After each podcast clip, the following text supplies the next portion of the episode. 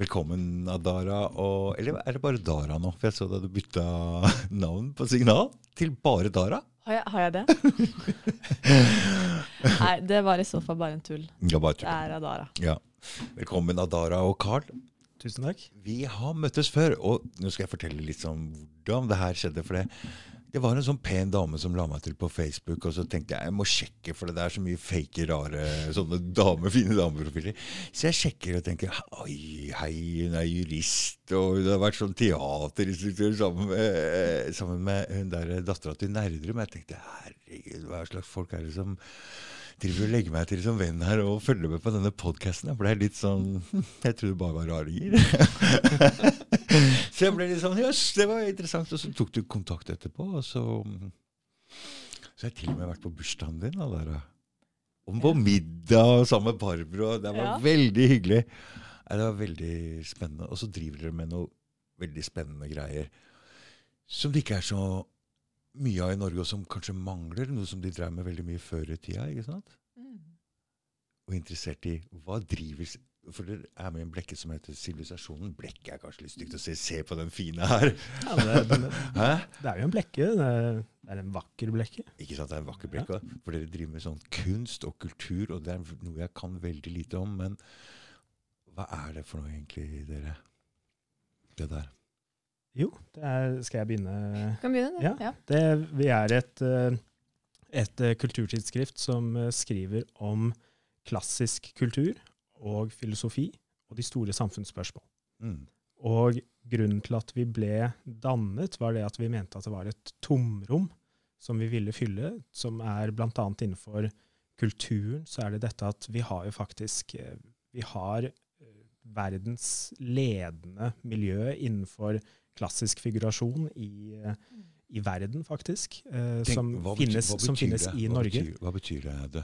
det? Er at uh, maleri, f.eks., maleri og skulptur, at det er eh, klassisk, figurativt, noe som kjennes igjen, noe som, en, uh, som forteller en historie, fremfor, uh, fremfor modernisme, som er mer dekonstruktivt, noe som er eh, ja, det kan være abstrakt, det kan være non-figurativt. Mm, mm. Og da er det ja, Jeg vet ikke hvor mange kulturtidsskrifter det finnes i, i eh, landet, kanskje 50 stykker eller noe sånt. Og ja.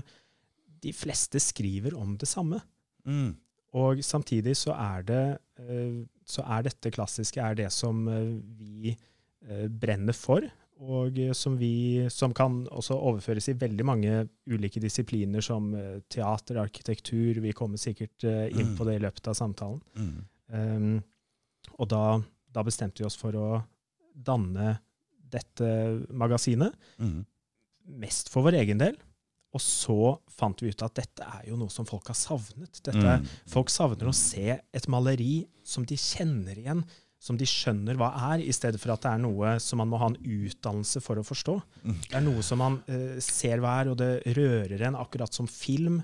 At man ser et teaterstykke, som er noe Adara er veldig eh, som Adara er veldig ekspert på. At man ser et teaterstykke som er Uh, som griper en, som ikke er med moderne twister, med Elvis-sveis og strutteskjørt. Mm. Og, eh, eh, og samme arkitektur som nå, etter vi ble etablert, et års tid etter det, så kom jo arkitekturopprøret, skjøt veldig fart, og det er jo bygger på mye av de samme prinsippene, at man vil ha vakre bygninger fremfor disharmoniske bygninger. Mm. Så det er noe av det tomrommet vi ville fylle. Det er litt spennende, hva? For, for det, men, men er det sånn er litt, Jeg tenker det er litt sånn nasjonalkonservativt greie her. Hva er det? Det er ikke det er ikke noe særlig nasjonalkonservativt. jeg veit ikke egentlig hva det betyr er- jeg, for jeg prøver å plassere hva er det egentlig eh, dere prater om. Og, Det er vel lengre linjer enn som så, da. ja, Så hvis du ser gjennom hele historien Det klassisk-figurative kommer jo igjen. Kan jo begynne med den eh, greske antikken. Ikke sant? Så har man renessansen. Mm. jeg, jeg kan Så det ingenting er den det her. Adara. tradisjonen vi egentlig bygger på. Oh, ja. Um, Ja, og det, det man kan si er jo at For det er, det er mange som stiller spørsmål ja, men hva er det klassiske. Ikke sant? Mm. Man tenker gjerne at klassisk er kun ballett og opera og det som kalles for klassisk musikk og klassisk kunst. Men det klassiske betyr egentlig at man har et ideal å strekke seg etter. For Vesten så gjelder det ofte, da er det ofte det antikke Hellas eller det antikke Romerriket. Og for uh, andre kulturer så er det andre storhetsidealer som de strekker seg etter. Mm. Mens modernismen, altså ikke det moderne, men modernismen, når det blir en ideologi, det strekker seg ikke etter et ideal, men det strekker seg etter å destruere idealene. Det skal ikke være Altså, se på uh, poenget hvis man tar uh, Munch uh, Munch-museet, som, så, som er elsket av, av ekspertene og han hatet av folket. Han er ikke veldig flink til å male, han der Munch? Er han det?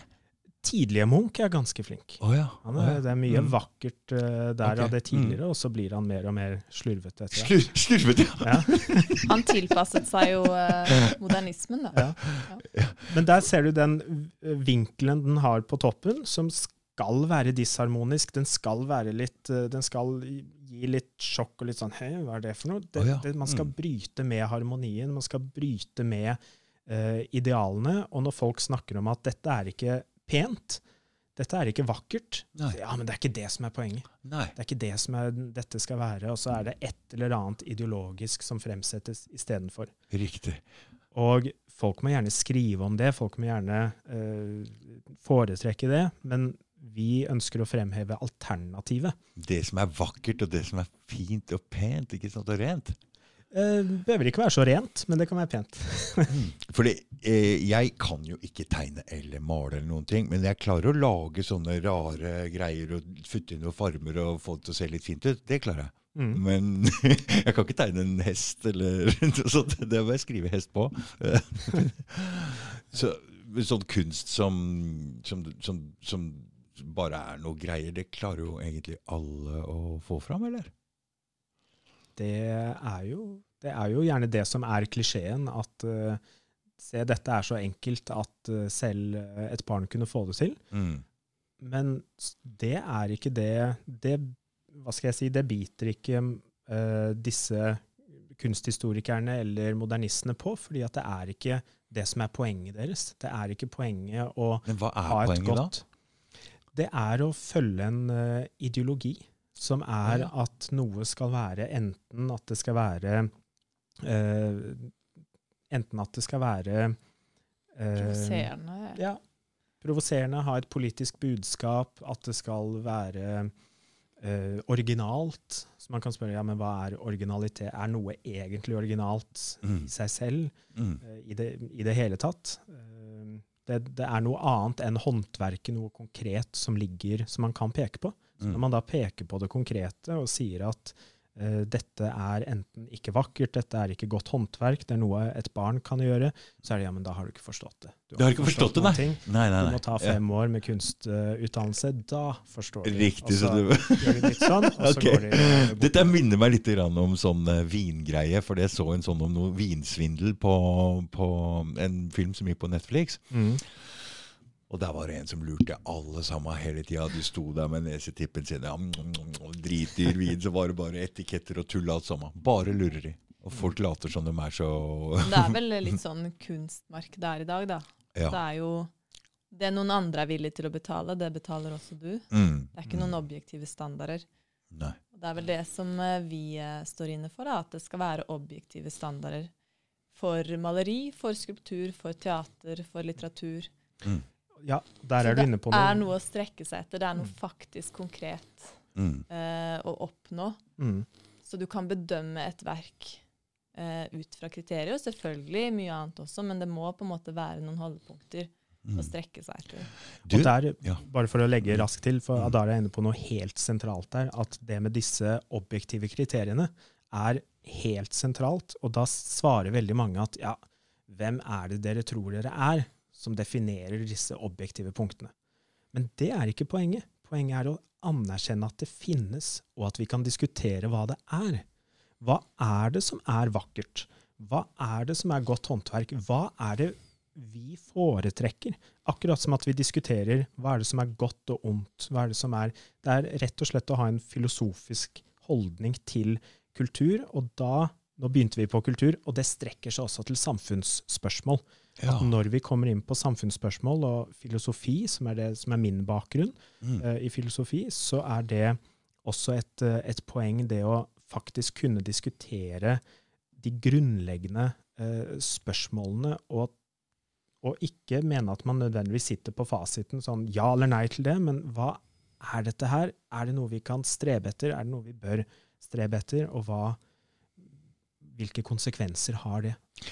Så Hvorfor jeg tror at dere driver med sånn litt sånn gammel For dette er noe folk drev med før i tida. Satt sånn og diskuterte om filosofi og kunst og kultur. Men det er det ikke veldig mange som driver med lenger. Det er derfor jeg fikk sånn følelsen at dere driver med noe som folk drev med før i tida. Eh, så derfor jeg tenkte jo en veldig en kritikk mot dette er jo sånn at det er gammeldags, da. Men eh, det er jo spørsmålet er ikke modernismen blitt gammeldags. Jo.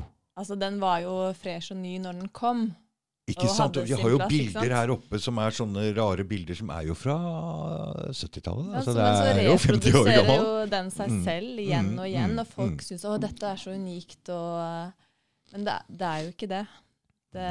det. er jo bare en kopi av ting som har blitt gjort på 70-tallet, på 50-tallet, på 20-tallet. Ikke sant. Det er noen halvmåner med noe De bruker bare noe mm. de, de, trenger ikke kunne male. og jeg når jeg ser noen som kan male ordentlig, så føler jeg at det er en utrolig For meg er det helt utenkelig. Så jeg tenker at det der er en gave. Det er en, man, det er en sånn gave som noen mennesker har. Akkurat som det å kunne skrive ordentlig er en talent, en sånn begavelse. Men når det gjelder sånn rar kunst, så kan vel nesten alle gjøre det. Om en litt brokete historie. Og så er det plutselig at du blir en kjendis. Eller? Sånn som Ja, det er jo noen som ikke er så flinke til å male, som, som har kunst som er verdt mye. Jeg er helt enig med dere. Det burde være folk som kan male.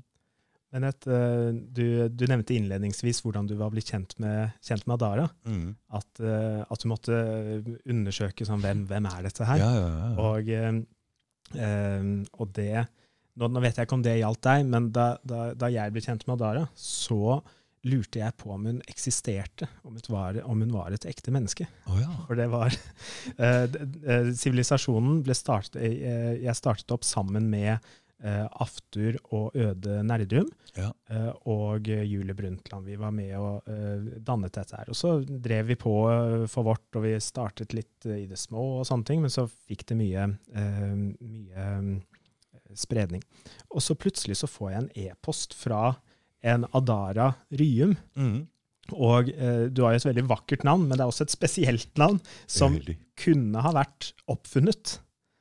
Og da kommer det da en e-post e skrevet på riksmål, og skrevet med mange av de samme type synspunktene som, eh, som vi hadde i redaksjonen. Og jeg var sånn Er dette her Øde og Aftur som spiller meg et puss. Fordi når man googler, eh, i hvert fall da, da jeg googlet og der, så, du, alle, du, hadde i hvert fall da fjernet alle dine sosiale medieprofiler, så hun fantes mm. ikke der, mm. og fantes ikke på noe Google-søk. eller sånne ting, så er det sånn Hem, hem, hem. Er dette et virkelig menneske? Og så, så ble det Og så hadde jeg og, og Eh, fikk, det tok lang tid før jeg fikk uh, bekreftelse på at det var et, uh, et ekte menneske. Så, var, så, så, du trodde at de holdt deg for puss, egentlig? Ja, og, så, og, så, ble jo du kjent med Aftur, og, og, hun skulle være litt sånn hemmelighetsfull. Og ja, nei, nå skal jeg møte Adara på Eller hva var det du gjorde i går? Jeg møtte Adara på bar, og så var det sånn Hvorfor spurte du ikke med meg? Nei, det, ikke, altså, det var liksom sånn, Så jeg følte at det ble unngått, og jeg visste ikke om, uh, om hun eksisterte eller ikke. Skrev, du, du, skriver jo fantastisk godt og, og alt mulig, så det ja. ja. men det var, jo, det var, jo, veldig morsomt å bli kjent med, med denne gjengen her. Mm. Det begynte jo med at jeg, jeg um, var på et galleri i Bergen, og så så jeg et bilde som Øde Nerdrum hadde malt. Og så gikk jeg hjem, og så sov jeg en natt. Og så gikk jeg tilbake og så sa jeg til galleristen er dette bildet solgt. Og så sa han sånn nei. Så sa jeg sånn men nå er det det. Oh, mm.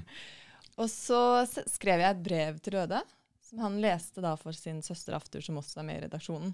Mm. Og så sa hun sånn Hun der skal jeg bli venninne med. oh, ja. Um, ja, så begynte jeg å skrive med Aftor, da, og så plutselig en dag så, så kom det en e-post om hun ikke kunne flytte inn sammen med meg, for hun trengte et sted å bo da, mm. i Oslo. Mm. Så da kom, kom, hun med kofferten sin, og det var første gang vi møttes. Oh, ja. så kult. Så, sånn, uh, sånn, ble jeg kjent med de, og så etter hvert med i redaksjonen. da. Mm. mm. Men hvor god altså, Bildet av Øde er vel ganske dyrt, eller? Ja, det er verdt det. Det er, verdt, det er viktig å ha Pene bilder i sitt hjem. Mm. Mm. Ja. Men det koster litt, eller? Eh, det koster litt, ja. Ja, ja men det, det, handler jo ofte om prioriteringer. Mm. mm. mm. Er det en investering, kanskje? Det er en investering, ja. Mm. Du, jeg har jo sett deg på podkast, jeg. jeg har jo, ja. Du har vært på podkast før. Ja. Og det var ganske interessant, egentlig. For det du det var det der med Nora det dukkehjemmet. Mm. Og den snudde du helt opp ned på, du. ja. Jeg var på podkasten til uh, Jan Ove Tuv og Borch Nerdrum mm. og snakket om et, et dukkehjem av Ibsen. Mm. Um, hvor vi gikk gjennom det stykket da, og så på det litt nøyere i detaljene. Hva er ja. det som egentlig skjer her? Mm. Er hun en uh, heltinne? Er det egentlig en bragd det hun gjør, eller er hun en uh, ja, en bedragerske og en som lyver, og en som har en ganske svak karakter. Og det er ganske interessant ja. hvordan Ibsen egentlig da lurer publikum, eller leseren, alltid. Man må liksom gå og se i detaljene. Se hva er det som virkelig sies her, hva er det som skjer. Ja. Uh, hvem er det som er helten her? Jo, det er en annen kvinne enn Nora som er helten i det stykket. For dette her er jo liksom det som blir framsatt som kvinnesaksgreien, og den sterke kvinnen og men det er et kvinnesaksstykke, uh, kan man si. Men det er ja. ikke hun som er heltinnen. Nei. Hvem Nei. er det som er heltinnen der? Det er den andre kvinnen. Jeg, jeg har jo ikke lest et stykke hjemme engang! Hva heter hun igjen, Karl? Eh, Kristine Kristine Linde. Kristine Linde. Å oh, ja. ja. For hun var en luring, hun der uh, Det er en skikkelig luring. Ja. Jeg husker den der konklusjonen hun der. det var veldig Nei, men Ibsen er helt genial. Liksom, I alle de små vendingene så ser man liksom at det er et, et dobbeltspill hele tiden. Men er det noen andre som har sett det på den måten som du gjør det der? Ja da. Jeg baserte jo min tolkning, eller det, det jeg sa i den postkassen, på en bok som er skrevet mm. av Kirsti Boger og um, Inge Kristiansen, okay. som heter 'Nora du lyver'. Nora du lyver, ja. Som er en utrolig kostelig bok. Det er interessant å se. For jeg tenkte hm, hun der er ikke rart hun avslørte den andre Jeg, vet ikke om jeg skal snakke om den andre. Man kunne jo gått igjennom alle Ibsens stykker og funnet uh, helt nye tolkninger. Ja. Altså, det har jo stoppet helt opp, den uh, Ibsen-fortolkningen. Uh, bare basere seg på allerede gjorte fortolkninger. Hm. Har vi mange bra forfattere i Norge? Av de gamle? Ibsen? Ja, Tenker du nålevende, eller ja, jeg generelt? Tenker før generelt, ja. Mm. Ja, vi, vi, til å være et lite land har vi ganske mange gode. Mm. Ibsen og Hamsun og Undset. Mm. Holberg var jo norsk. Mm. Ja. Det har vi lest noe på skolen, vel, om Jeppe-greiene. ja. Mm. Og Der kom vi borti et ord som jeg reagerte litt på, fordi de hadde et fag på skolen der som heter disputt. Det å kunne diskutere. Ja. Og det har jeg tenkt at det hadde vært fint å få inn på skolen igjen. For mm. det kan ikke folk. De tror det er om å gjøre å vinne. og vi, vi, ser liksom på politikere som sitter og prater, eller har debatt. da. Men de kommer jo inn med hvert sitt argument, og de kan jo ikke bytte standpunkt. Så det det går ut på der, er jo bare å vri og vende seg mm. unna og svare og allting. Og det er ikke sånn en diskusjon foregår egentlig. For på skolen der da, så fikk de utlevert hvert sitt argument, og så gikk det faktisk an å vinne en diskusjon. Ja. Hvor var dette? Nei, Det var på universitetet i Danmark. Jeg leste ja. i Jeppe på Bjerget, hvor de hadde det som et fag. Ja, ja, ja, Ikke sant? Mm. På universitetet i Danmark på den tiden. Og da var det sånn at etterpå så kunne de bytte standpunkt. Mm. Og den beste kunne vinne igjen. Og jeg tenkte hæ, hvordan går det der? For det, det går nesten ikke an å diskutere på den litt kjølige, avstandsmessige måten hvor du ikke har så personlig forhold til til standpunktet ditt at du for all del ikke vil tape. Da. Mm. For det må gå an å diskutere alle ting, egentlig, åpent og mm. ordentlig. Med argumenter, uten å ta det så Det skulle vi hatt noe av på TV-en, eller noen som kunne vist oss hvordan kunne gjort. Dette er jo konkurranser om det i USA, og det går jo virkelig an. Mm. Ja, man skulle, man skulle eh, behandlet argumenter eller ståsteder som, som objekter. Mm. Altså mer objektivt. Og det, mm. altså, mer objektivt, altså som et slags objekt, og ikke noe som er, definerer deg, eller Nei. at det henger med fullt av andre synspunkter med det. Men sånn, hva mm, er dette mm, argumentet? Hva mm. er det du legger i det? Hva er det, det, hva er det som er slutningen av det? Nå, jeg, jeg, er helt enig i det å ha For ha nå er det jo sånn at hvis du mener en ting, så er du en hel haug med andre ting. Og ja, ikke sant? Hæ? Vi kan ikke ha det sånn lenger, altså. Hvis du mener det, så er du allerede plassert i en boks. Så da mener du plutselig uh, ja. Jeg hadde jo Mette Kallager her som gikk ut litt med covid, og hun var jo plutselig Trump-tilhenger og nazist og alt mulig. Og bare hva er det som skjer her? Ja. 2020 var et merkelig år, altså.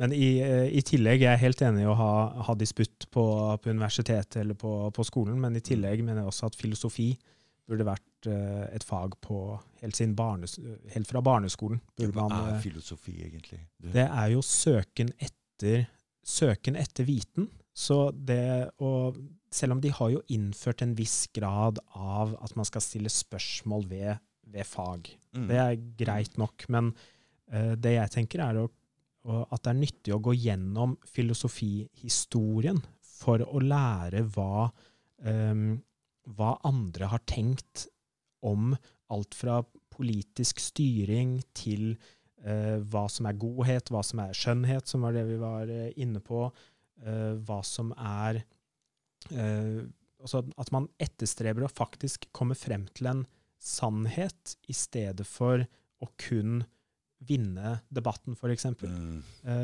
At, at Si at man har Si at man tilhører en et, et, eh, et, politisk parti. Da. Mm. Og så da, man, da, blir man gjerne nærmest indoktrinert til å følge det partiprogrammet, og mm. man slutter å tenke kritisk. Det er jo egentlig, Filosofi mm. er i stor grad kritisk tenkning. Man skal stille spørsmål ved, ved ting med Stille spørsmål for å forsøke å komme nærmere til et svar som er eh, riktig. Du, jeg har faktisk lest en filosofibok. Jeg har lest en, altså Sprakk Zarathustra. Har du vært borti der? Ja, ja, ja. Den er fantastisk. Og så leser jeg den boka, og så går jeg i leksikon, og så, skri, så, så er det en doktor Filos der som skriver hva han mener om den boka. Og jeg bare Hæ? Hva er det han prater om? Ja. Bare, hva faen er det Altså, de, de, de, de, Min forståelse av boka er faktisk at uh, de prater om et framtidsmenneske. Mm. Og de sier at de som lever i dag, de er mye mer Altså, vi er på vei fra ape til Han sier Gud er død, nå må vi skaffe oss et annet. Uh, og jeg har sett i en drøm et framtidsmenneske, og vi må sikte mot det. Og så får alle som lever i dag, de får så øra flagrer og hatten passer ikke. Så, men, men, men han doktor Filos i det leksikonet sier altså at uh, prater om den overmenneske herskerasen og rakker ned på den kristne slaveteorien. Jeg tenkte herregud, hva er det du egentlig prater om? Jeg tror ikke du har skjønt boka. Jeg tror det er noe befengt med noe Hitler og noe nazisme og noe greier der, og rakker ned på noe kristne greier som Jeg tror ikke han kanskje han var kristen, han doktor Filosen der, eller jeg vet ikke hva det var. Jeg tror ikke han forsto den. Jeg tror jeg forsto den på en helt annen måte. Og jeg ser jo på den med barneøyne, for jeg har jo ikke lest noe filosofi. så... Ja, det, det, er jo det som er øh, Det er jo noe av det som er fantastisk med filosofi, er jo det at man, øh, man Selv om jeg argumenterer for at det er bra med filosofi på skolen, så ja. er det ikke noe man trenger noe utdannelse for. Nei. Det handler bare om å være nysgjerrig på uh, å komme frem til eh, svar, stille spørsmål, komme nærmere, uh, komme nærmere en slags uh, forståelse, av forståelse, av noe. Mm. Mm. Jeg likte boka veldig godt. Det var sånn Etter en og en halv, to sider sånne små kapitler der, så var det, var det, mm. da var det nok. Det var ja, altså Nietzsche led jo den uh, skjebnen at søsteren var ganske aktiv i, i, i nazistpartiet. Og oh, ja. mm. det var hun som sto for mye av uh, utgivelsen mm. av hans verker etterpå, og redigerte verkene oh, ja. mm. til å Uh, og så var nazistpartiet på utkikk etter vi trenger en nasjonalfilosof. Oh, ja. og uh, da så, det, så, så, han doktor Filos Jeg skjønte nesten det. Jeg skjønner At han var mm. prega av, av, den uh, At han ikke klarte å lese den boka med helt åpne øyne. Mm. Og at han var prega av at dette var ikke var bra. Mm. mm Herskerrase meg her og slår og greier der. Og jeg tenkte her, jeg har ikke skjønt boka i det hele tatt. Det viser jo viktigheten av å gå til primærkilden. Mm. Alltid. Ikke lese det som står på Wikipedia eller en eller annen doktor har uttalt. da. Mm. Ja, det var noe andre jeg ser analyser og alt mulig. Så så jeg den der, eh, De tre bukkene Bruse, som hadde en analyse. Jeg skjønte ikke analysen der heller. Jeg ser bare en liten tass som tyster på, på brødrene sine. Ja. Altså, jeg, men jeg prøvde å lese noen andre analyser, og de prater om noe helt annet. Så jeg ser ting litt annerledes enn andre folk. For det, du hører nå, det kommer en liten bukk en bruse, og så er det et eller annet skummel som stopper han og sier 'Hei, du, stopp, jeg kommer til å ta deg', greier. Og han bare sier 'Nei, nei, ikke ta meg'. Mm. Det kommer noen større rett bak her, og det er broren min. Altså, det er jo jeg tenker, Hvem har innført det barneeventyret der om å sladre sånn som det der? Det er ikke pent! Fader. Det har jeg aldri tenkt på, faktisk. Nei, det er det eneste jeg skjønner av hele eventyret. Uff, det var ikke bra. Gi meg noe annet jeg skal analysere her.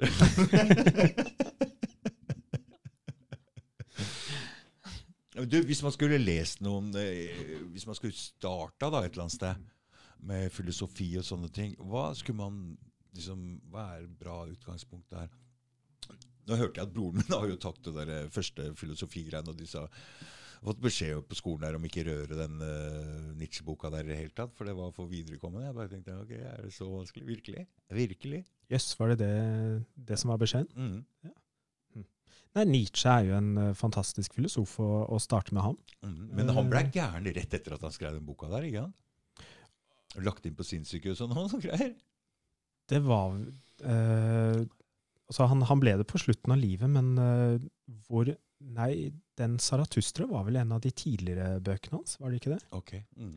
Nå, nå, nå, ble jeg litt usikker om det var en tidlig bok eller en senbok. Dette her har du peiling på. Filosofi. Ja, altså det, det, er i hvert fall det jeg brenner for. Mm. Mm, det er det. Så Nei, Nietzsche er fantastisk å, å starte med, og øh, de, de, antikke grekerne er også, også fantastiske å starte med. Kom med en tittel, da, så jeg kan starte et eller annet sted. Den um, Ja, skal vi se Starte med en av uh, Kan starte med en av Platons dialoger. Mm. Fin å starte med. Den, jeg, jeg, har veldig sansen for dialog, uh, dialogformatet. For da er, så, da er, det så, tilgjengelig. Hvordan foregår det, på en måte? I stedet for at det er en fagartikkel eller en eh, nøye gjennomgang av argumentene, som også er nyttig, mm. men um, så er det lagt frem i dialogformat, hvor en kan komme bort til Det er jo i hovedsak der man kjenner Sokrates fra. Mm. Som at en um, kan komme bort til Sokrates og stille et spørsmål, eller at han, Sokrates, stiller gjerne et spørsmål til den andre. Hva, hva, hva, tenker du omkring eh, medfødte evner? Tror du at man har medfødte evner, som, eh, mm. som du snakket om tidligere? At man har, har, talent, mm. eller er det det at man lærer seg det? Det er et veldig interessant spørsmål som jeg har lyst til å mm. si litt om. Fordi du veit hvordan du er som barn hvis du mislykkes med noe første gangen. F.eks. bare taper i et kortspill. Du vil ikke mer! Du liker ikke det kortspillet. Mm. Og dermed så vil du heller aldri bli god i det. Så hvis du lykkes første gangen med noe, så blir du oppmuntra. Så kanskje det, er, kanskje det, er, det som skal til, bare, for at du blir god i noe. Mm. Så er det jo forbilder. Ikke sant? Ja, gode forbilder. Så man er veldig sår når man er barn. altså Hvis man mislykkes med noe. det er bare, Nei, mm. du, jeg gikk ned her for å stå Du har jo sett Ørstensjøvannet her nede. Mm. Første gang jeg skulle ned der og stå på skøyter. Og jeg gleda meg. ikke sant? Gikk ned der og fikk på disse skøytene. Og jeg så jeg, Alle føyk rundt der, så så morsomt ut. Og tok på meg skøytene og bare dong! Rett ned sånn eh, Du veit, sånn Sjokk. Altså, jeg blei så sur og så sint. Ville ikke ha på meg de skøytene på mange mange, mange år etterpå. Jeg ble så skuffa, så det er vel en av de tinga som har gjort at jeg slutta å glede meg til ting. Tør ikke. Fy fader. Da ble jeg nei, Det der syns jeg var urettferdig, altså. Herregud. For skøytene var litt sånn dårlige på den tida også, så det bare jeg, jeg, Det gikk ikke. Nei, Noe så urettferdig hadde jeg ikke vært med på, gitt. jeg, jeg, jeg også opplevde det samme på skøyter, men for meg så bare gikk det utover skøytegåingen. Ja. Mm. Det, det, det, stanset der. Nei, det tok mange år der skøyter var dritt. Det var ja. ikke snakk om. Så siden jeg kom med meg. Vil ikke ane med de skøytene å gjøre med. Nei, sånn er det. Når du er eh, Men, jeg, men den, akkurat den eh, egenskapen der at du vil lykkes med noe, vil være god i noe, den kan være et tveegga sverd. Og du kan bli god i noe fordi du vil liker å være god. Jeg vet ikke, det er slags sånn uh, Mange barn har det der. Du vil vinne. Mm. Hater å tape. mm. Men det driven jo, kan jo gjøre at du blir veldig god i noe. Mm. mm. Og Det er jo det som ligger bak mye av, uh, av klassisk kultur, da, er det at man har den At det underbygger dette, dette ganske menneskelige driven til å perfeksjonere og bli mm. bedre. Mm. For det er, det er, noe som krever et håndverk. Det er si mm. f.eks. å være uh, Hvis man altså det, det, kan man se på alt fra arkitekter til, uh, til malere, altså kunstnere, at de som lever av å være originale, mm. som, som, handler mer om en slags magisk inspirasjon, nærmest, mm. de blir ofte mer, de blir ofte mer uh, tappet etter hvert som de blir eldre. Okay. Mens de uh, som jobber innenfor det klassiske, som kan forbedre seg og forbedre seg og bli bedre og bedre og bedre, de blir ofte dyktigere jo eldre de blir. Mm. Som er helt naturlig. Mm. At uh, de som tegner bygninger og hele tiden skal perfeksjonere, lærer seg nye teknikker og, mm. uh, og verdier rundt uh, dette her, de får til slutt til å lage mesterverket som er ja, som et nytt pantheon. Pantheon, du. Du, mm. Men siden du er så opptatt av disse tingene her, eh, har du noe talenter innenfor Har du lyst til å bli noe et eller annet innenfor noe sjøl? Nei, altså mitt uh, Det er skriving jeg vil uh, skriving. jobbe med. Mm, det er det. Men, uh, men for, for, min egen del Men det er også en ja. kunst i seg sjøl å kunne skrive. Ja, jo, jeg har veldig respekt ja. for det når jeg leser god tekst. Jeg, for sjøl så kan jeg ikke, er jeg ikke veldig god i det. Så jeg ser på det også som en sånn det er noe magisk, det er noe, det er noe spesielt. Mm. Men så mener jeg også at det er viktig å, um, eller det er en verdi i det å kunne noe om det man skriver om. I stedet for bare å sitte og ha et sånn uh, avstands, uh, et avstandsforhold uh, til noe. Så si for eksempel, jeg skriver jo da en del om maleri og kultur og sånn, så da fant jeg ut at jeg måtte gå uh, i noe kurs, og i hvert fall lære meg det grunnleggende. Så jeg gikk på malekurs noen ganger hos Jan Ove Tuv, som er en elev av uh, Odd Nærretum, mm. og lærte noe grunnleggende. Jeg er fortsatt bare på sånn elementært amatørnivå, men mm.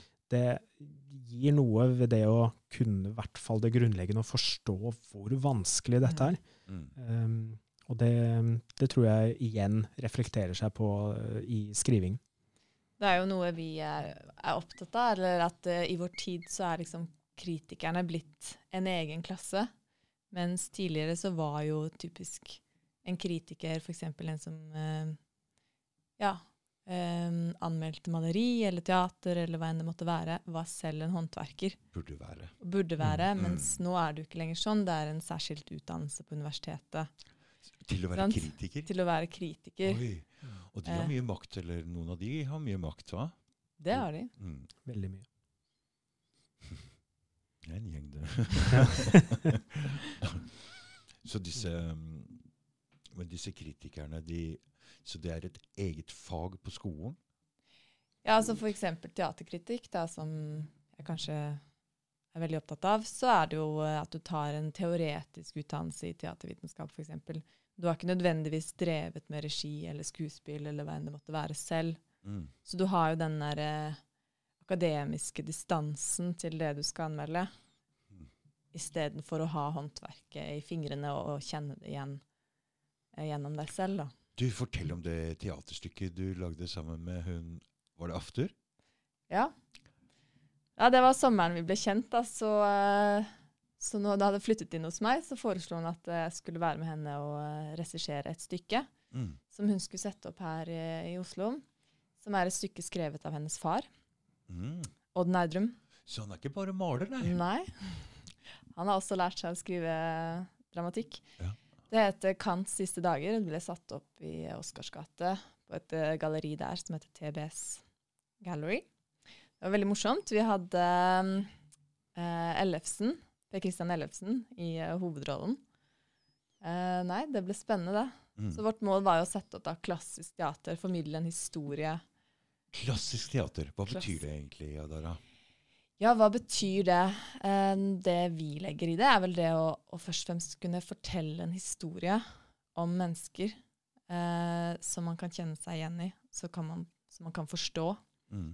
Ikke abstrakt eller et konsept, som man ofte ser i dag da, når man ser teater. Så tar man kanskje Shakespeare, og så bare dekonstruerer man det og setter inn en masse effekter, og så står det Shakespeare på plakaten. Mm. Men så er den historien han har formidlet, nesten helt borte. Mm. Fordi regissøren har uh, en masse meninger han selv vil legge i det stykket.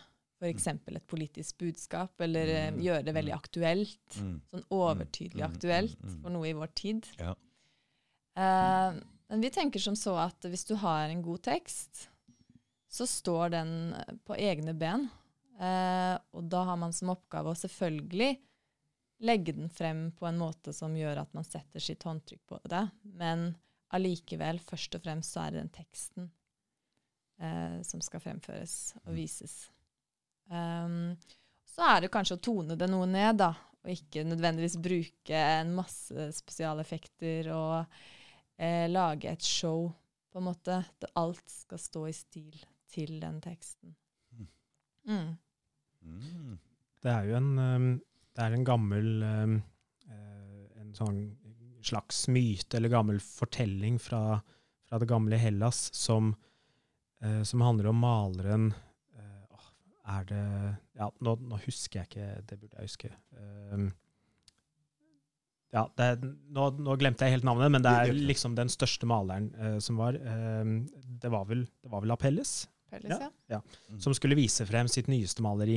Mm. Og uh, dette har forbindelse med teater, altså. Og så, uh, så var det han og tjeneren hans som uh, satte det frem, og så tok de av duken. Og så sto folk rundt og gispet sånn «Åh, Dette er noe helt nytt. Dette har jeg aldri sett før. Dette har jeg aldri sett før. Og da ble han fornærmet og tok eh, teppet over eh, maleriet og sa Kom, vi går. Disse er for umodne til å forstå det. Og det som er litt poenget da, er at hvis man kun sjokkeres over det originale eller det nye ved noe, så stopper det litt der. Og det er vel også noe av poenget med teaterfremføring, at det å bare finne nye tolkninger og lage noe som sjokkerer, som er noe politisk eh, En ny politisk vri på det som eh, er sånn 'Dette har vi aldri sett før'.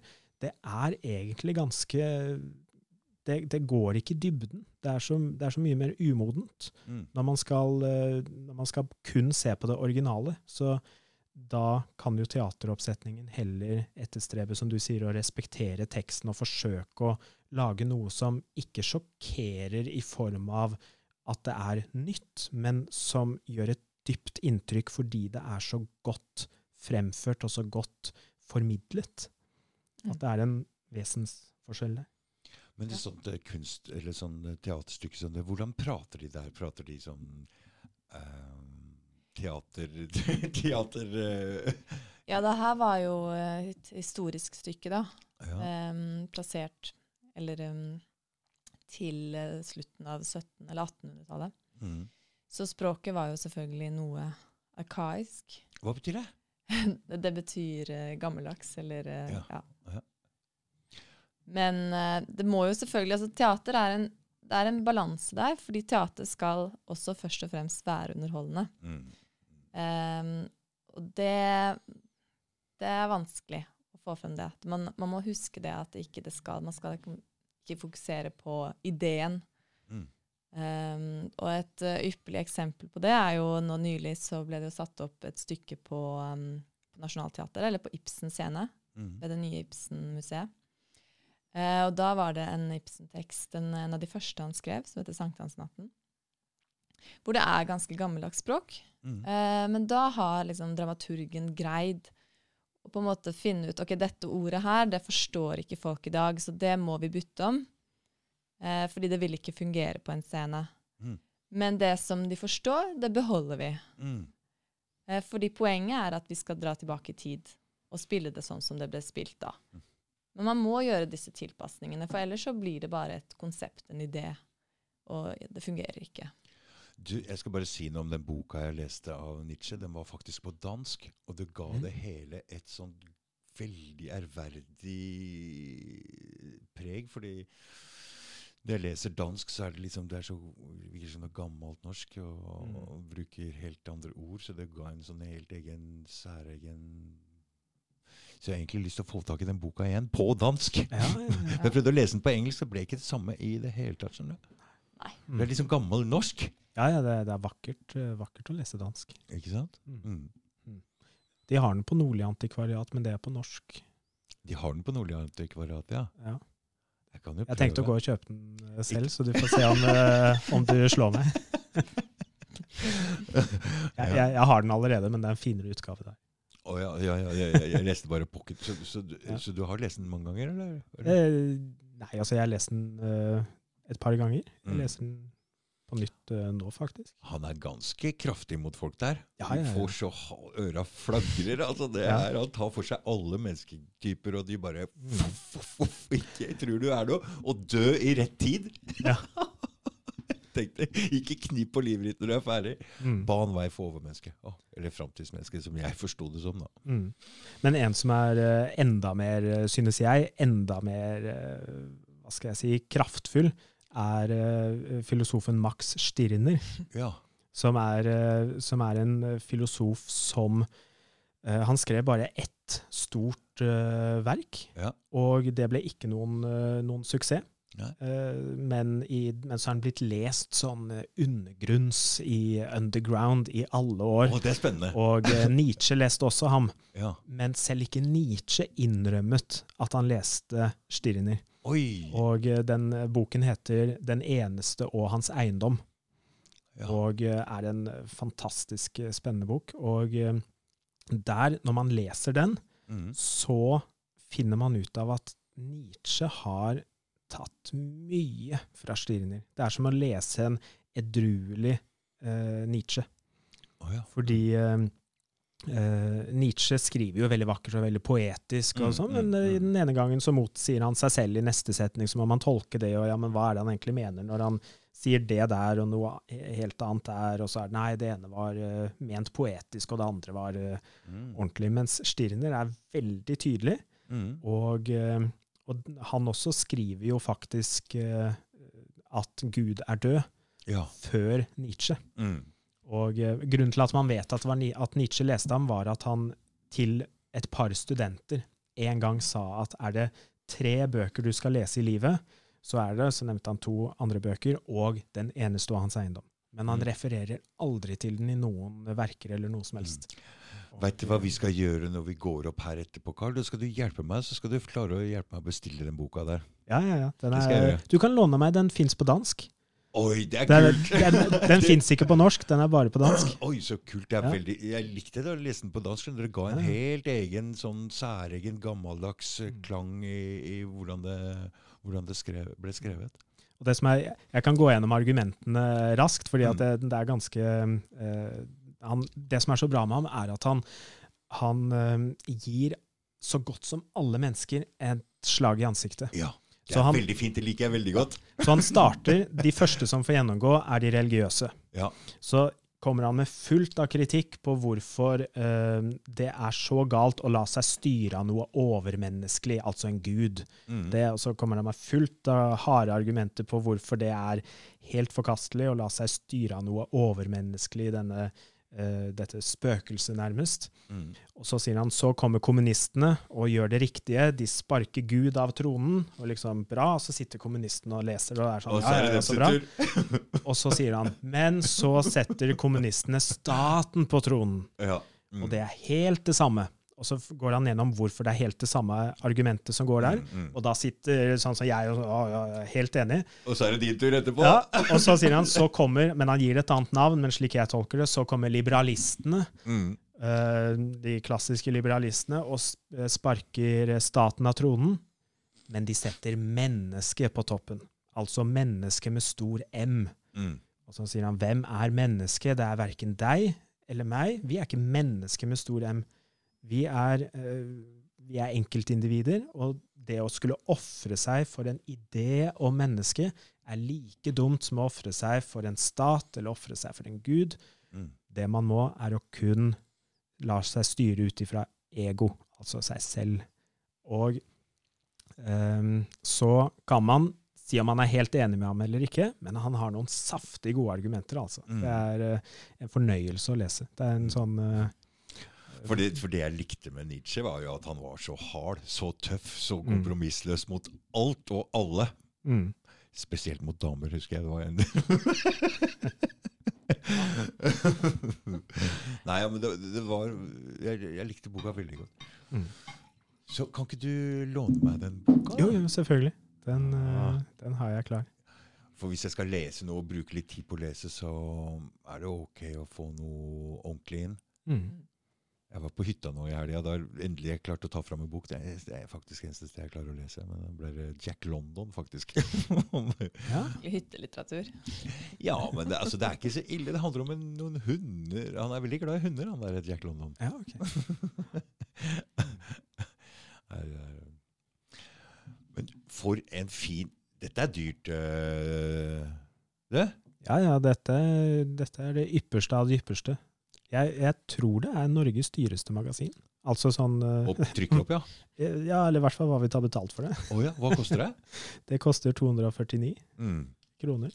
Men det er, med, det er, med, vilje, for vi vil at folk skal, uh, skal bestille det fordi at de virkelig har lyst på det. Mm. Og det er noe med det å Hvis man kjøper noe for 39 kroner, så er det lettere å kaste det i peisen etter hvert, hvis man uh, har det i disse dager, eller uh, i, i søppelet. Mens når man har faktisk investert i noe, så er det noe man tar vare på. Man passer på at man faktisk leser det. Man, uh, mm. Men hvor får man kjøpt det? Må bestille det, ikke sant? Ja, det er på, det er på våre nettsider mm. og mm. i uavhengige bokhandlere rundt omkring. Og det som var målet her, da, eller dette ble jo akkurat gjort ferdig når jeg kom inn, mm. Men det er at du kan, det kan leses som 10 år, det kan leses som 20 år, det kan leses som 50 år. Det er mm. ikke dagsaktuelt. Og 500 år. Og 500 år. Og egentlig hvor som helst. Nå er det jo på norsk, men uh, ja. Et universelt budskap. Tidløst. Du, har, du skriver i denne avisa sjøl, ikke sant? Eh, jeg skriver på Sivilisasjonen, ja. Jeg har ikke skrevet i den her. Den her ble jo gitt ut uh, Eller de var uh, i gang med å gi den ut den sommeren jeg kom inn. Men jeg har lest noe du har skrevet. og Henrik òg, du skriver. Hæ? Han sitter her og Det er um, Og da, da turte du å gå litt kritisk ut mot uh, alle de um, Alt det covid-greiene og det som skjedde. Det var ganske tøft gjort, egentlig. Ja, nei, men det stred jo helt mot alt jeg står for. Så Ikke sant? for å sitte stille. Det var veldig Takk for at du tok den. Eh, men har du fått noe kritikk for det? Uh, ja, jeg fikk jo litt uh, problemer med noen bekjente ja. som uh, syntes det her var veldig egoistisk. da. Ja. Um, mm. Og upassende midt mm. i en pandemi. Men mest av alt så har jeg fått gode tilbakemeldinger, og fra overraskende mange steder. Mm. Fordi det er nok mange som har venta på at noen skal tørre å si noe, og når noen gjør det, så blir vi veldig glad for det. Det er tøft å stå fram som noen av de første og kritisere det, men de kan ikke de kan ikke gjøre hva de vil med oss. det sto jo ikke i forhold. så og hvis, skal ha, hvis vi skal ha, ha, det sånn, at de kan bestemme sånn over oss, det, det, er skummelt. Mm. Ja, det var veldig skummelt, og jeg er også jurist, så det ja, stred jo både mot mine personlige meninger, men også mot uh, rettsstatens prinsipper og ja, de uh, mekanismene vi har, da. Mm. Ble plutselig bare feid bort, og ja, det var, det var skummelt. Mm. Tror du det skjer igjen? Vi håper ikke det. Nei. Men, uh, Men, de er jo på vei ned nå for å skrive under en avtale med WHO om at de skal få overnasjonale styringer over alle medlemsland. Ja. jeg, jeg, tror det ligger mye til rette for, for, at det skjer igjen. Noe, mm. noe, lignende. Men denne gangen så er vi mer forberedt på det. og Jeg håper at vi har blitt en såpass stor gruppe at vi kan legge litt press imot. for det jeg, for, sånn jeg så det, så sto det ikke i forhold til noen ting, disse, disse Nei, altså hvis det er helse vi skal uh, prioritere, så er det vel veldig mange andre måter å gjøre det på. Mm, mm. Enn å stenge ned treningssentre og fritidsskoler og alt mm, som er. Mm. Det er veldig lite helsebringende, denne nedstengningen. Mm. Så. Uh, var dere enige alle i sivilisasjonen om, om, at hun fikk lov å skrive det, eller? Ja, ja. ja. Det var helt, uh, ja, helt innafor. Det er noe mm. som, er, uh, som, er, egentlig kjernen i sivilisasjonen, er dette med å, uh, med å få samfunnsspørsmål som er i dag, opp mm. på et mer prinsipielt nivå. Og det var jo det særlig dine innlegg under koronatiden gjorde, som var det å Og det var jo koronatiden et ypperlig en en viktig anledning til å gjøre også. Mm. At når det er så inngripende tiltak. tiltak. som mm. gjøres, så, så spesiell situasjon, mm. så, så, er det den perfekte anledning ja. til å ikke henge seg opp i den eller den uh, regelen, den eller den begrensningen, men hva er prinsippene her? Hva er det som egentlig, hva er det som egentlig foregår når man tar det ene steget med å la staten mm. ta, uh, ta altså få såpass mye makt over, ens enkelt, nei, over enkeltindividenes uh, liv og privatliv. Mm. Og så, så, det var jo Og det er jo det vi etterstreber, å kunne ikke skrive innlegg som handler bare om den lovgivningen er for streng, men ikke den er for streng. Litt mer på det partikulære, men å faktisk forsøke å se det fra et uh, mer um, et mer overordnet uh, ståsted. Du som har lest filosofi fra gammelt av, er staten noe som med jevne mellomrom dukker opp og blir for stort og for uh, overgripende mot mennesker, og vi må passe på dette her hele tiden? Eller? Jeg tror det er viktig å passe på hele tiden. Mm. Og uh, det er Hva er staten egentlig? Hva er det for noe? Hva er en stat? Hvordan ble det til, egentlig? Hva, hva, hvordan har de fått sånn Hvordan kan de sette grenser rundt en ting og si at du er født her, vi bestemmer over deg, vi kan bestemme veldig mye over deg, vi kan lage masse regler, du har ingenting å si om det der i det hele tatt. Mm. Hvordan, hvordan hva, hva, er det for noe? På den, på den, ene siden så er det slags, øh, et slags grunnprinsipp for en for en sivilisasjon. Mm. Men så kan det også tippe over og gå for langt til Altså et grunnleggende for en sivilisasjon i form av å ta vare på en viss grad av trygghet og bevare friheten til enkeltindividene uh, som utgjør uh, befolkningen i staten. Men Passe så? Ta vare på friheten. Ta vare på friheten, Er det statens uh, egentlig Det kan være det. det, kan være og så kan det også gå for langt, i den forstand at man eh, tar for mye Altså man er for etterstrebende etter trygghet eller etter visse prinsipper, slik at man oppgir eh, store deler av den oppgaven å ta vare på friheten, som jeg mener bør være statens viktigste oppgave. Du mener at statens viktigste oppgave bør å ta vare på friheten til enkeltindividet? Ja. Men på hvilken måte har staten gjort det før? Eh, beskytte oss fra andre land, andre ja, forsvar er jo et grunnleggende altså Det er jo en grad at det handler jo også om trygghet, men at man får frihet gjennom den tryggheten. Mm. Uh, og det, det, er jo en helt grunnleggende debatt som vi, som vi egentlig burde ha en, eh, en uh, arrangere en stor debatt rundt hva, mm. i hvordan bør man vektlegge statens rolle til å gi trygghet og statens rolle til å gi frihet. Men uh, staten kan sikre friheten til enkeltmennesker på mange ulike måter. Hvis man tar det konkrete eksempelet på eh, koronasituasjonen, mm. så gjorde jo, så gikk jo Det var jo riktignok delstaten Florida gikk jo inn og forbød koronapass. Mm. Det er en måte som staten kan ta vare på friheten til enkeltmennesker på, ved å si at du har ikke lov som som eh, bedriftseier eller som eh, cruiseskipeier eller noe sånt til å ta korona, til å kreve koronapass. Det er ikke lov i delstaten Florida. Mm. Og da kommer jo selvfølgelig diskusjonen som er det som er gøy med filosofi, at ja, men hva med bedriftseiernes frihet til å kunne kreve koronapass? Ikke sant? Mm. Altså, så da kommer man inn på en stor diskusjon der, men mm. det er i hvert fall det som var målet med den eh, lovgivningen i Florida var å sikre at delstaten sikret menneskers frihet. Og det finnes det veldig mange eksempler på at staten kan gjøre. Men så kan den også gjøre det motsatte. Og gå for langt i å sikre tryggheten, så det går utover folks frihet. For det er veldig mye lover og regler i dette. Og du som er jurist, jeg vet ikke. Men og, det er en annen ting som var under denne koronaperioden også. Det ble innført masse nye lover og regler og høringer i ett sett med korte svarfrister, hvor de forandrer samfunnet. Og det er ingen som har noe oversikt over det. Nei, det, det kan ikke engang en jurist ha. Nei. Det... Ikke snakk om, for jeg har hatt dine advokater av det, så jeg har ikke peiling, jeg har ikke snøring, jeg veit ikke. Nei, det tempoet og den fremgangsmåten og Ja. Det strider jo mot uh, alt.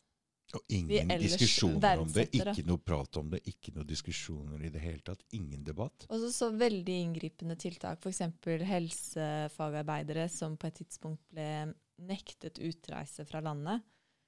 Altså Ifølge Grunnloven så er jo det bare militærtjeneste og hvis du er straffeforfulgt, mm. at de kan pålegge sånne ting. Og så si en sykepleier da, som har en familien sin i utlandet, kunne da altså ikke reise Pga. tilfelle de måtte stå standby i tilfelle de trengtes? Og det her var ganske tidlig. Det var før de virkelig trengtes i det hele tatt.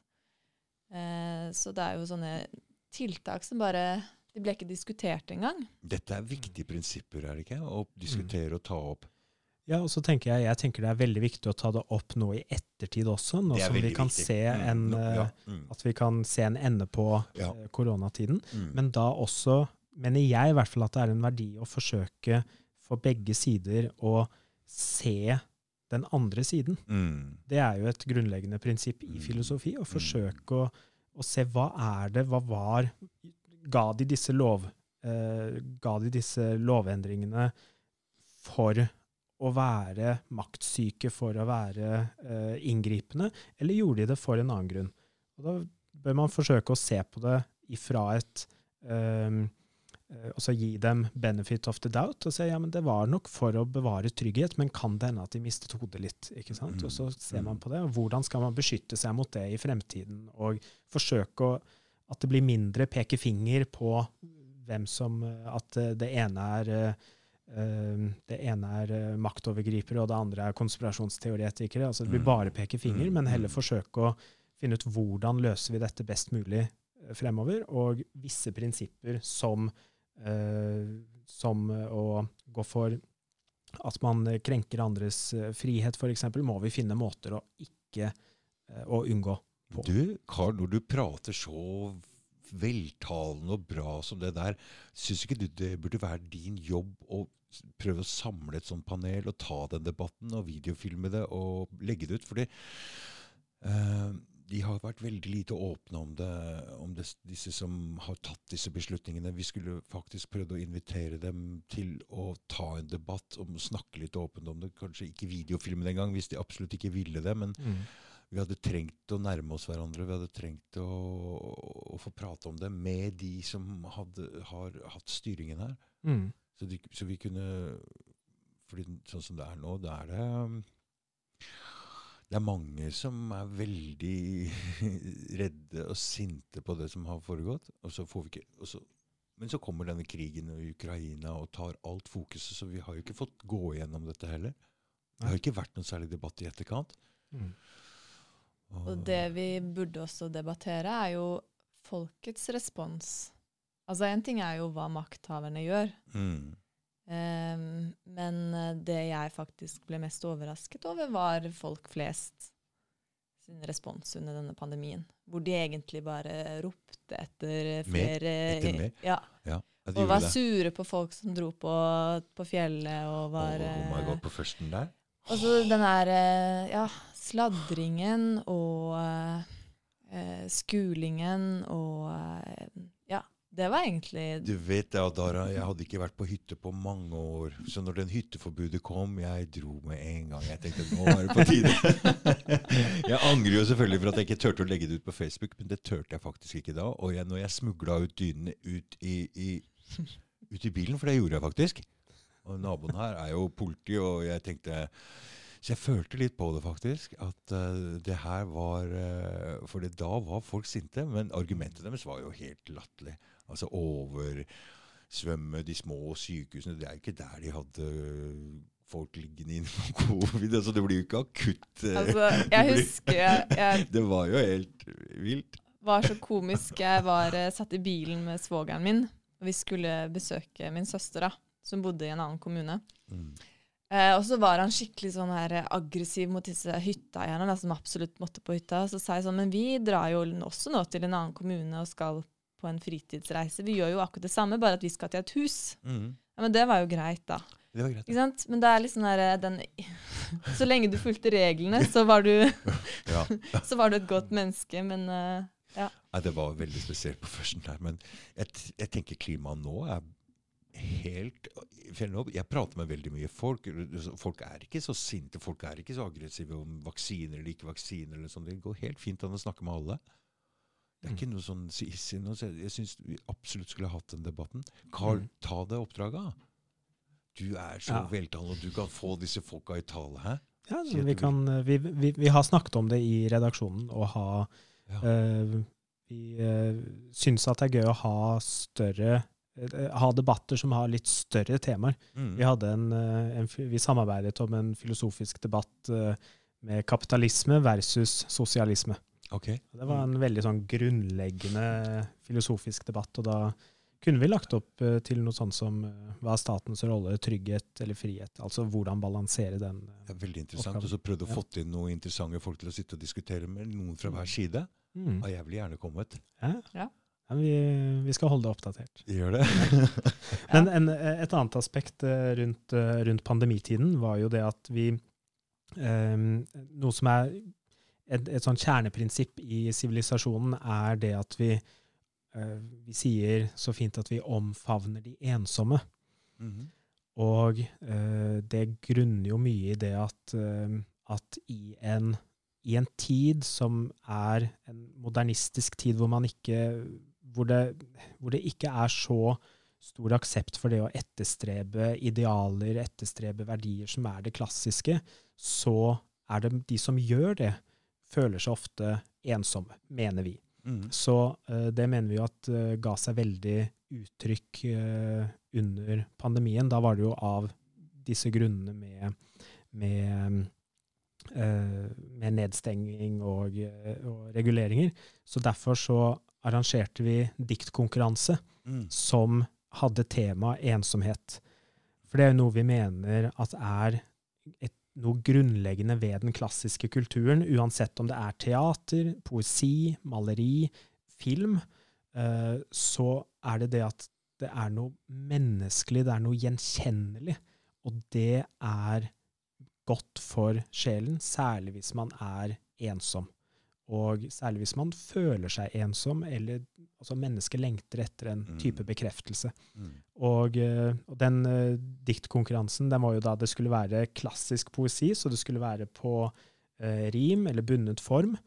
Og uh, det er jo nesten umulig å finne i dag. Altså så finn en dikter som skriver på, på rim. Det er, det er, nesten helt umulig. Mm. Og, men vi fikk inn flere hundre bidrag.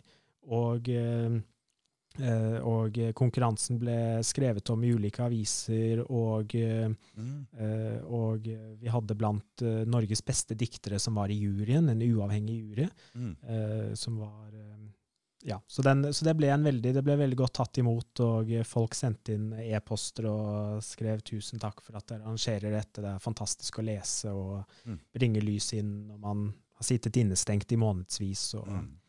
Men det, det, er jo ensomhet er faktisk Vi er ikke bygd for å bo alene. Og nå mm. er jo samfunnet strukturert sånn at vi bor veldig mye alene. Og hvis mange klarer ikke å få et forhold til å fungere, sånn som meg f.eks.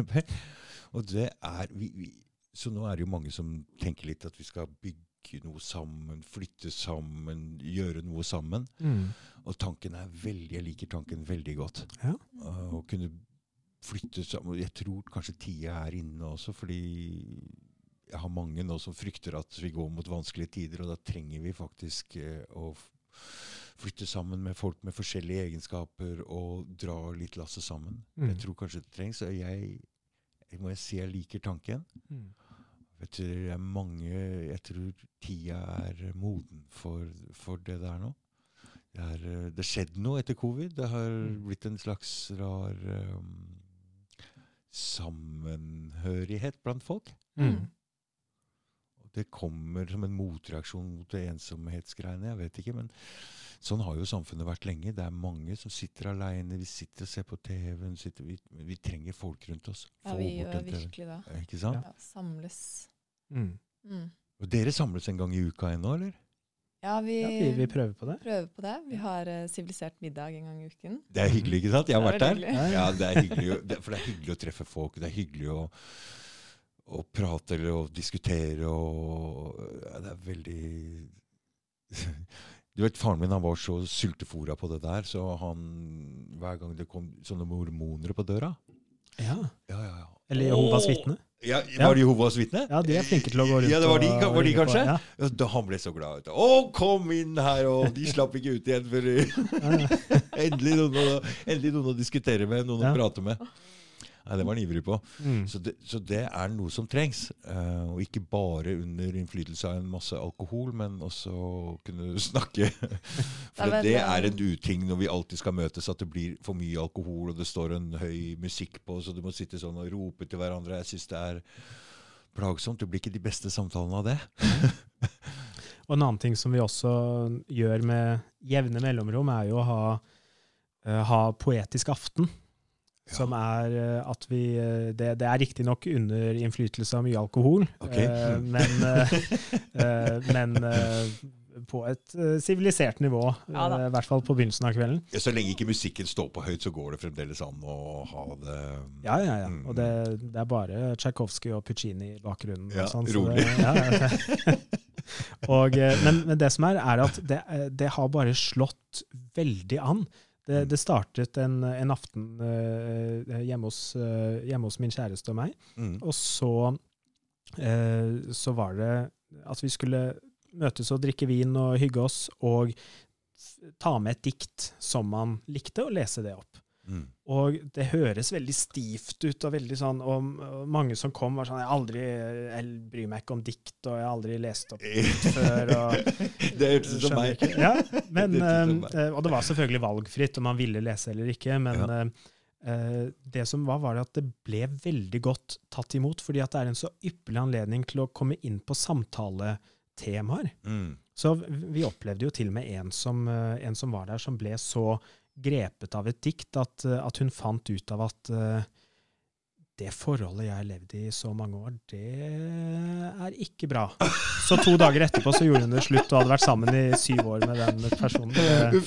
Så det, det, det, det var nok eh, ikke en god historie for en viss part, men, men hun ble veldig fornøyd og har det veldig bra nå. Så det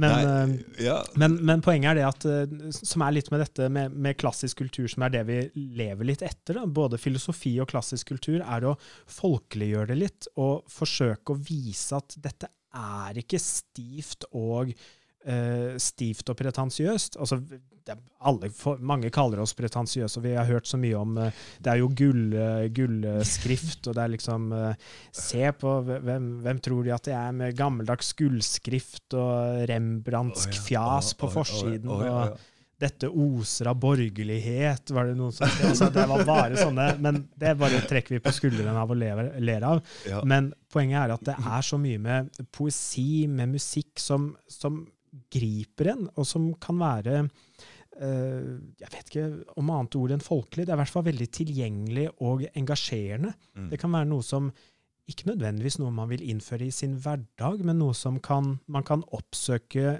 innimellom fordi at det gir en rikere opplevelse av noe. Og det er absolutt noe som trengs i samfunnet i dag, for det samfunnet går en helt annen vei. Og, men jeg merker nå at det er en, det er en sånn det, det, er noe på vei tilbake igjen til noe her nå. Mm. i samfunnet nå. Det er, noe, det er noe krefter vi, vi, er inne i en veldig stor forandring. Mm. Og den popkulturen med den TV-en og den, all den, det greiene der, det må Det må, det må vi må, vi må, snart være ferdig med det der. er det nå vi skal eh, promotere kabareten vår? Å, ja. få høre! Hva betyr det? Hva er kabaret? Det er synging og, og, og, og skuespill? Det er en kveld med Eller hva er det? alt det gode. Sang, skuespill, sketsjer, musikk. Kanskje mm, malerier som eh, males der og da. Um, ja, så vi har tenkt å ha en kabaret. Muligens 9. og 10. september. Okay. Så da må alle som har lyst til det, komme. Ja. ja eller til hvilket som helst av våre arrangementer. Men du vet ikke hvor det er ennå? Jo da, mm. det skal være på det galleriet som vi også satte opp teater, da, på ja. TBS, som mm. ligger i Oscars gate på Uranienborg mm. Oslo. Det er jo, Vi samarbeider med TBS Gallery, og TBS står for Torebjørn Skjølsvik. Okay. Og, uh, så her ser du ham, Vi har intervjuet ham i, uh, i magasinet ja. uh, i det første, og det er uh, en, av, en, av, Norges dyktigste skulptører, som er bl.a. noe av det vi jobber med, det å løfte frem uh, disse store talentene som får mindre oppmerksomhet enn de fortjener. Mm. Og på det galleriet, det var jo der vi satte opp, eller dere satte opp teaterstykket, Kants siste dager.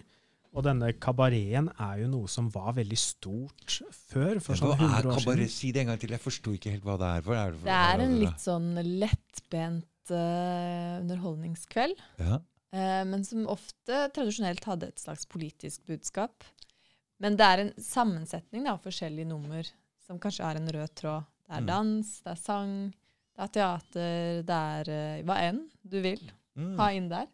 Ja, sånn som i dag, så går man jo gjerne på Man går på en forestilling for å høre én artist, eller for å mm. uh, høre, se et stykke eller høre et politisk innlegg, mens en kabaret er en blanding Alt. av masse underholdning som også noen ganger bare er for tull. Uh, ett innslag er bare for tull, det neste er på, uh, veldig på alvor, og så kommer det noe som er som, skal, eh, som, er satirisk, og så er det noe som bare er fornøyelig med Men blir det pra, pra, Imellom der er det plass til å prate og ja, ja, ja, kose seg? Ja, det er fordi, veldig viktig. Mm. Fordi, fordi, jeg, hver gang jeg er på noe nå, så liker jeg best pausene. Ja. Mm.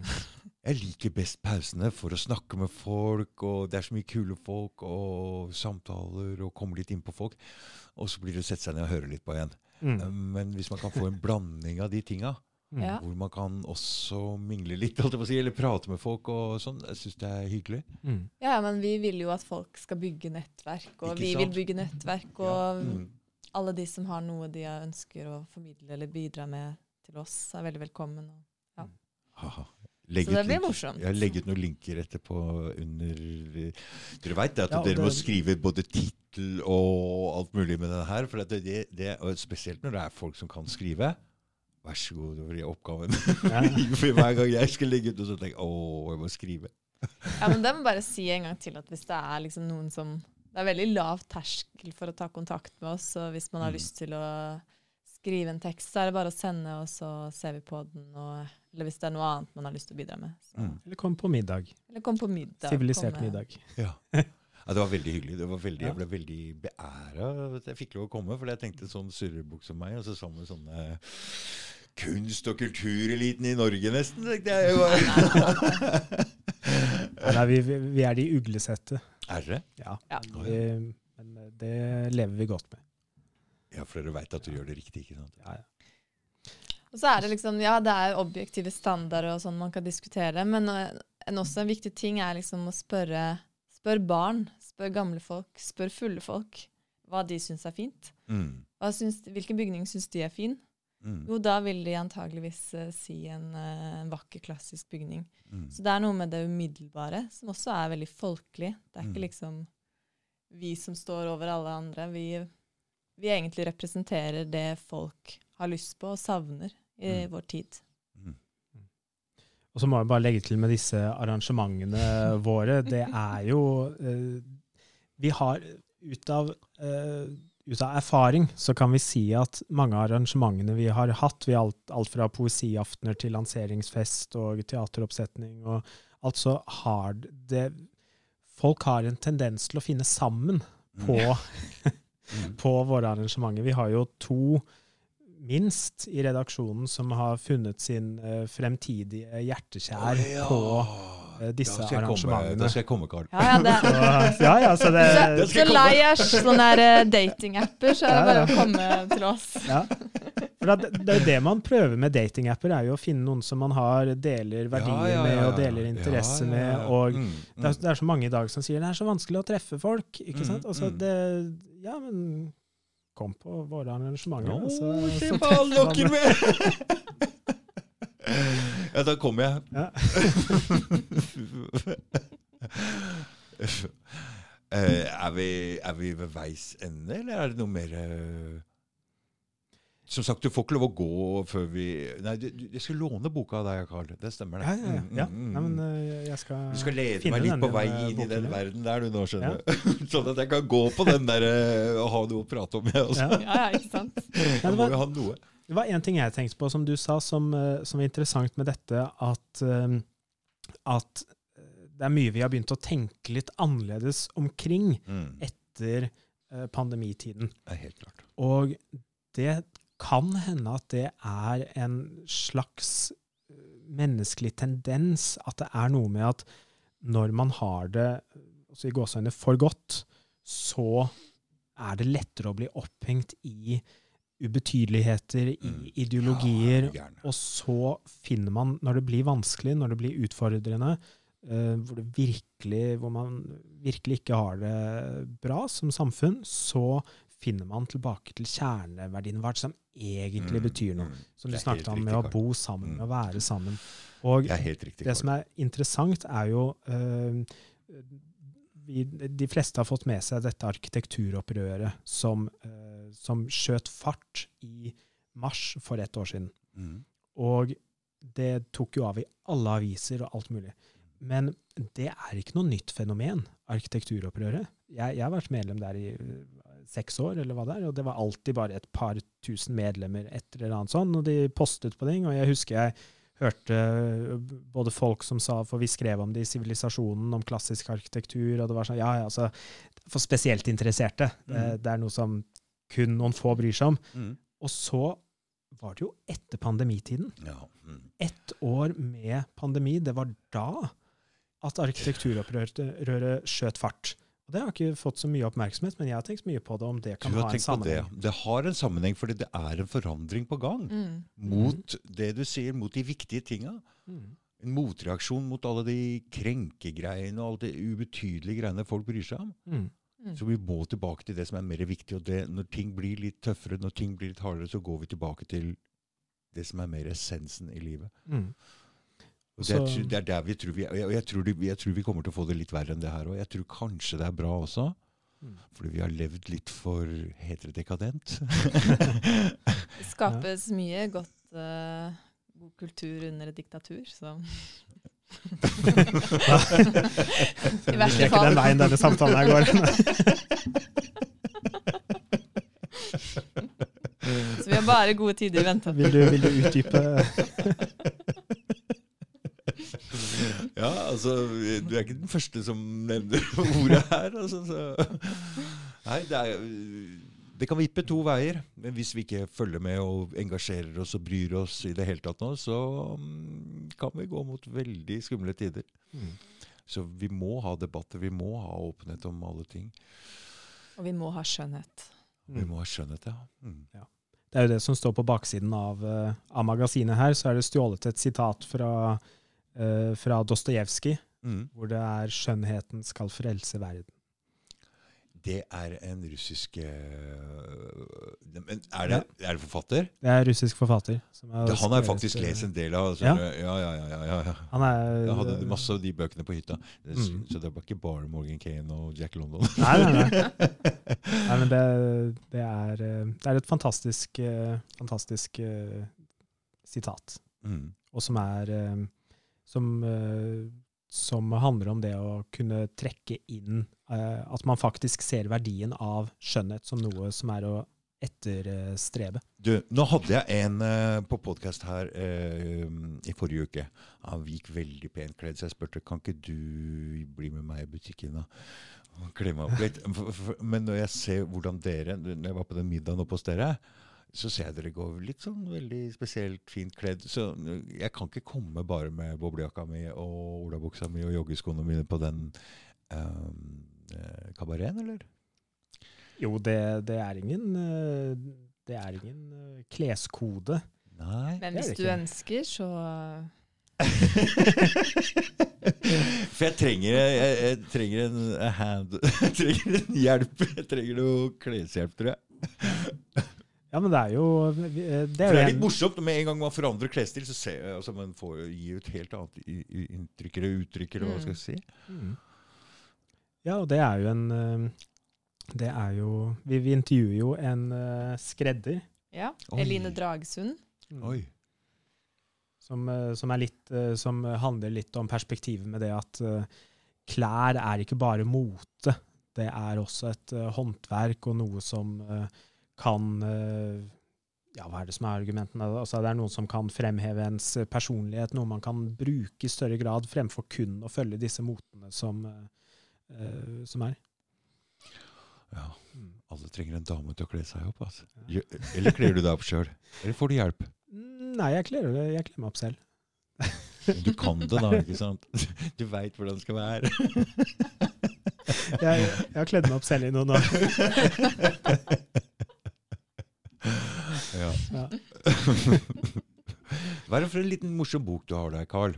Jo, det er en, eh, en, filosofisk bok som var første bok som ble gitt ut på Sivilisasjonen forlag. Som oh, ja. ble etablert i, eh, i, år, for bare noen måneder siden. Som mm. heter 'Samtaler fra Memorosa'. Som mm. er, eh, Memorosa er gården der Odd Nerdrum bor. Mm. Og det er, som vi var inne på med filosofiske dialoger, så er det en form jeg har veldig sansen for. Mm. For det er en så fin måte å sette seg inn i en filosofi på. Mm.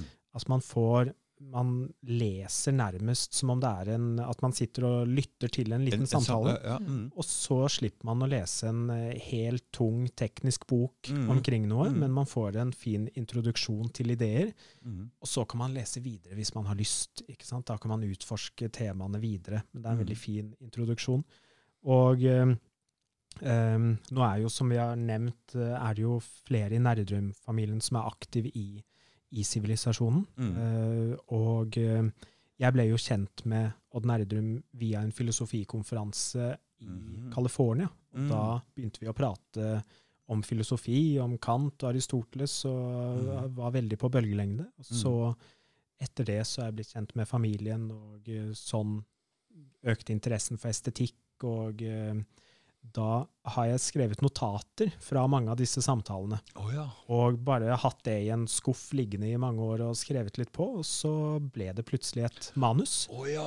det, med mange mm. små Det er vel 13 eh, små eh, dialoger som handler om alt fra eh, tids eh, Hvordan man oppfatter tiden. Oppfatter man tiden som lineær eller sirkulær?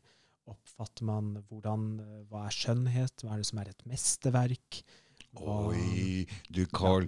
Gi meg en hjemmelekse. Jeg har lyst til å være med og diskutere sånne ting, jeg òg. Ja, ja. Hvis alle leser noe først, og så kan vi diskutere det etterpå. Det hadde vært veldig kult. ja, ja, ja. Det er jo fantastisk. Og ha sånne lyse litt på ting og forskjellige vinkler og sånn. Jeg liker det veldig godt. Ja, ja. Så det, så det er første, men ikke siste bok i, eh, fra Sivilisasjonen forlag. Mm. Så det er jo eh, som Det er jo de færreste forlag i dag som vil publisere noe filosofisk. Mm. Hvis det, så er det fagfilosofisk, skrevet av mm, mm, mm. en, Det er tørt, ikke eh, sant? Ja, det er ofte tørt. Det kan Mm. være mye bra, men det, man må liksom ha en eh, doktorfilos eh, foran, og Mm, mm, eh, mm. det skal være gjerne Det skal ikke være ofte ens egen filosofi, men en tolkning av en annens, og eh, eh, ja, kan være mye bra der, men det er lite utforskning innenfor eh, filosofi, det som publiseres av filosofi, Er Odd jeg. Er jeg. En veldig spennende person? Han er en eh, fantastisk spennende person som har utviklet en, en filosofi som er veldig interessant når det kommer til eh, estetikk. Mm. Han kaller jo sitt skaperverk for kitsch, Mm. og, sammen, og, og setter opp kontrasten kunst. Og det er det mange som reagerer på. Åh, det hvem tror han at han er? Men det det er, er å eh, Det som kalles kitsch, er den klassiske kulturen, som kan spores tilbake til antikke Hellas, men som også er den generelt klassiske kulturen. Mens det som kalles for kunst, er den modernistiske kulturen. Mm. Og det er eh, utrolig godt, uh, godt formulert og spennende observert. Mm. Jeg, jeg har jo sett noen intervjuer med han, og han er jo han er ganske tøff og frittalende og ganske kul person, han der. altså. Jeg har sansen for han. Ja, så, så handler det om så mye mer eh, enn eh, en rent det maleriske. Si f.eks. første dialog her handler om tidsforståelsen. Om den er sirkulær eller lineær. Hva betyr det, Karl? Ja, da kan man tenke sånn, ja, hva, hvordan da? Men poenget er, regner man verden som å være noe som utvikler seg, som kun handler om fremskritt, at det vi gjør nå, Riktig. det er- det bare beveger seg fremover. Og besteforeldrene våre, de var, de, det de holdt på med, er bare Det, har- det har ikke relevans for Du, det er begge deler. Ja. Det er begge deler. Ikke sant? Men Mm. så lenge man anerkjenner at det som var Si f.eks. at man kan lese en tekst som er 50 år gammel, 200 år gammel, 1000 år gammel, og anerkjenne at her er det ting jeg kan lære, her Mm. er det noe som vi kan lære som samfunn, Mm. så har man en mer sirkulær tidsforståelse som Mm. man forsøker å bygge, uh, bygge på og lære fra. Altså Hvis man leser Hamsun eller noen av de som ble skrevet altså for lenge siden, så, så er jo det et mye rikere språk og gir jo en mye helt annen, bedre forståelse av ting enn mye av det som blir skrevet i dag. Ja, ja absolutt. Ikke sant? Det, man kan gå enda lenger tilbake også. Ikke sant? Mm. Og jeg veit jo noen som studerer gamle skrifter og sånn, og de er jo helt fra seg av hva de oppdager der, av viten og esoteriske hemmeligheter og alt mulig. Mm. Så det er nok masse å lære av eh, Så ting går bare både i sirkler, men også framover. Samtidig så går de i sånne bølger og gjentar seg sjøl i mønsteret også. Mm. Så Nei, da må jeg må diskutere litt filosofi, jeg òg. Jeg har noen meninger her og der. Nei, øh, er det greit? Det er greit. Ja, jeg syns dette er kjempebra. Ja, greit. ok. Takk for at dere kom. Tusen takk for at vi fikk komme. Ja. Tusen takk for at vi fikk komme. Det.